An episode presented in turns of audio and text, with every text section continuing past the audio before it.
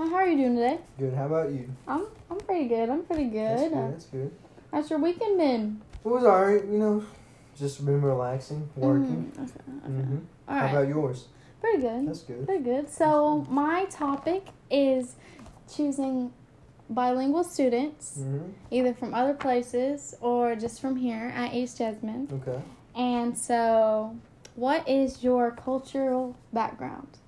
You know, such as like, what is, where do you come from? Where does your family come from? So, my family's you know from Mexico, but they came to the United States to give me a better life.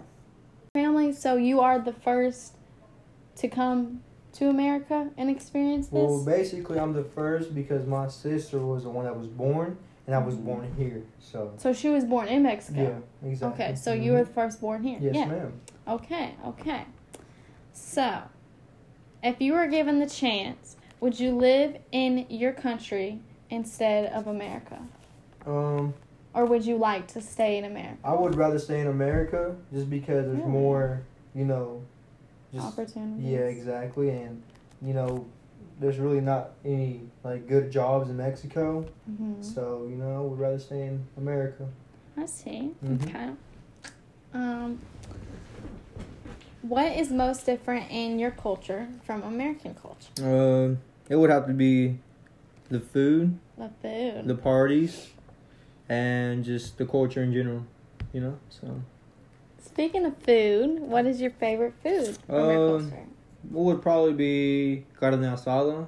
What is that? Or what um, is that? What is that? So it's basically like steak, hmm but we do it in our like in our own way. So basically, what we do is, you know, we put seasoning in it, and then we put uh, some beer, and we mix it because Mhm. beer gives it that um, flavor. yeah, exactly. hmm So we also for the like for our carne asada we use on the side uh, arroz y frijoles, which is rice and beans, hmm and that's basically I don't know. It's just I think carne asada is something simple you can cook, and it's it's good.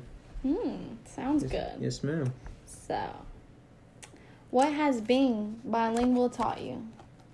Um, that you can you know communicate with you know people that have trouble speaking English, and you can help them out, and just you know I think it's just unique being Mhm. able to speak two languages at the same time. Yeah, for sure. hmm On the other side of that, what has been the biggest challenge with you being bilingual? Or have there been any? Um, I don't think there's really any, you know, challenges with, like with being bilingual. I think it's, I think it's like I said, it's unique, and I Mhm. enjoy, you know, being able to speak two languages at the same time. I see, I see. Yes, ma'am. So, last question. What is your favorite piece of your culture? I think just the way we celebrate the holidays, and you know, just how we make different types of food for the seasons as well. hmm So I think that's that's what I like the most about it. hmm Well, it was nice interviewing you. Thank Well, you. Thank you very Do much. do I have your consent to use this in my class? Yes, ma'am. All right, thank you.